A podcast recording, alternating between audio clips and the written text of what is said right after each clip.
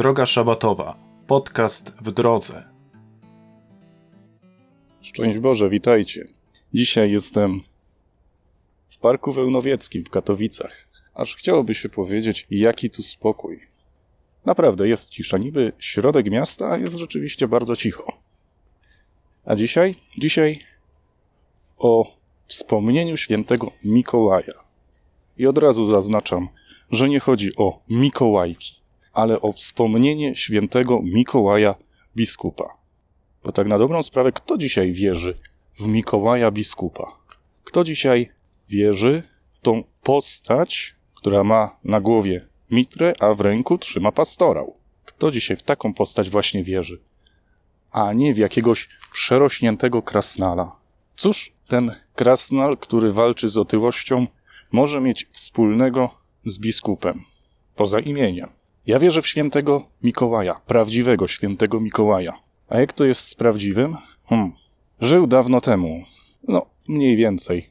Czwarty, może trzeci wiek, albo na przełomie.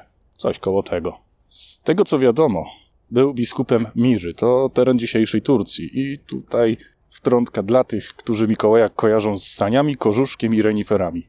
No, wyobraźcie sobie w tamtym klimacie chodzić w takim kożuchu. Człowiek, delikatnie rzecz ujmując, mógłby się ugotować. No ale, jak został biskupem, kościół był jeszcze prześladowany. Nawet z tego, co podają przekazy, Mikołaj zdążył zaliczyć więzienie, a właściwie zesłanie na jakiejś wyspie w kopalni. Szczegółów niestety brak. Przez ileś lat rządził kościołem w mirze, w ukryciu. Rządził kościołem w ukryciu, bo w najlepszym wypadku czekało go więzienie, w najgorszym, no, niezbyt przyjemna śmierć w męczarniach. Z tego czasu najprawdopodobniej pochodzi historia o trzech dziewczynach, którym Mikołaj podrzucił odpowiednią sumę na posag. To jest pewnie jeden z powodów, dla których Mikołaja kojarzy się przede wszystkim z dawaniem prezentów. Ale to nie wszystko. W roku 313 cesarz Konstantyn wydał edykt mediolański i od tego czasu chrześcijanie przestali być prześladowani. Mikołaj jako biskup mógł wyjść z ukrycia. I tutaj, z tym czasem, związane są dwie sytuacje, które osobiście najbardziej lubię. Jedna z nich dotyczy soboru w Nicei w 325 roku. Tam Mikołaj pokazał, że nie tylko jest dobroduszny i współczujący, ale też potrafi konkretnie postawić na swoim i przekonać do swojej racji pozostałych biskupów. Sporo biskupów skłaniało się do arianizmu, herezji, która swój początek bierze od Ariusza. No, dwa słówka o samym Ariuszu. W początkach chrześcijaństwa, zresztą dzisiaj też, pojawiały się herezje, różne wypaczenia.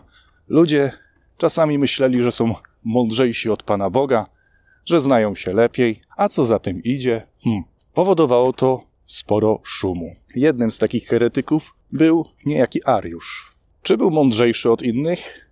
Raczej nie. Uważał, co najbardziej jest znane, że Pan Jezus jest stworzony.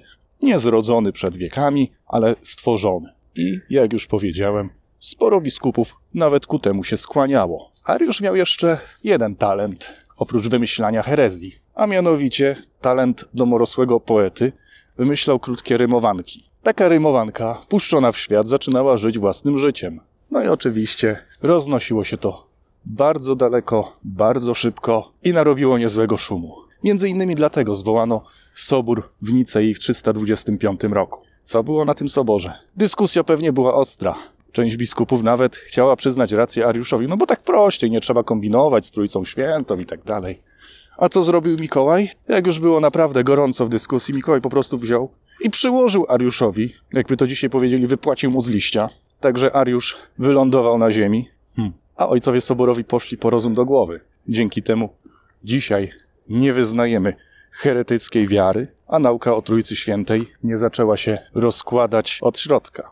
Dlatego jest to jedno z moich ulubionych wydarzeń, czy historii związanych ze świętym Mikołajem, bo najzwyczajniej na świecie Mikołaj pokazał, że hmm, w sprawach podstawowych nie ma dyskusji. W sprawach podstawowych nie ma kombinowania. Tym, co fundamentalne, nie można iść na kompromisy. Nie można ustępować. Taki Mikołaj do mnie przemawia. Druga historia to sytuacja, kiedy uratował rzymskich żołnierzy. No cóż, rzymska armia była bardzo, bardzo precyzyjna, bardzo dokładna, a niewykonanie rozkazu było jednym z największych przestępstw. Pewien dowódca próbował, jedni mówią, że trzech, inni, że sześciu żołnierzy pochodzących z miasta, gdzie biskupem był Mikołaj, zmusić do wykonania niegodnego rozkazu. Kiedy odmówili, trafili do więzienia z wyrokiem śmierci. Mikołaj, kiedy o tym się dowiedział, w te pędy wybrał się do samego cesarza. Znów nie bawił się w półśrodki. Wprost do samego cesarza. I tak długo suszył głowę cesarzowi, aż chłopaków uwolniono, chociaż prawdopodobnie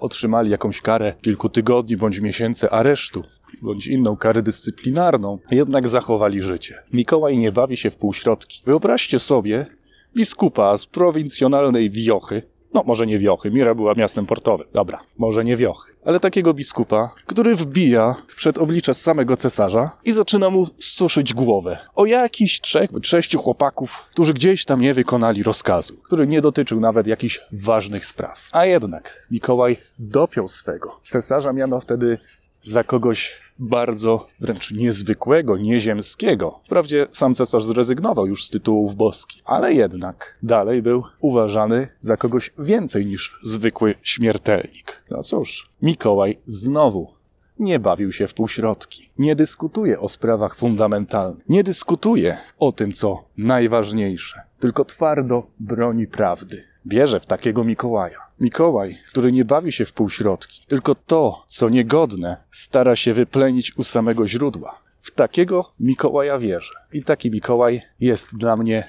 naprawdę wzorem. Dzisiaj bardzo często właśnie Mikołaja sprowadza się tylko do sympatycznego staruszka, który przynosi prezenty. Ale pamiętam jeszcze z mojego dzieciństwa, kiedy mówiono, że tym niegrzecznym dzieciom Mikołaj przynosi obierki z ziemniaków, drobny węgiel pomieszany z tymi obierkami, a do kompletu jeszcze rózgę. O tych rózgach dzisiaj nikt nie chce pamiętać. Te rózgi dla wielu dzisiaj są jakimś wyrzutem sumienia. Ale ja właśnie w takiego Mikołaja wierzę. Biskupa, który stoi twardo na straży prawdy. I tak wspominając, świętego Mikołaja biskupa, gdyby go tak postawić koło tych wszystkich przerośniętych krasnali, to co oni sobą reprezentują? Nic, po prostu nic sobą nie reprezentują. Niczego tak naprawdę nie są w stanie dać. Co najwyżej wciskają jedną za drugą promocję. Prawdziwy Mikołaj nie jest tylko dobrotliwym staruszkiem. Prawdziwy Mikołaj stawia wymagania. Warto o tym pamiętać. Warto o tym pamiętać, kiedy wspominamy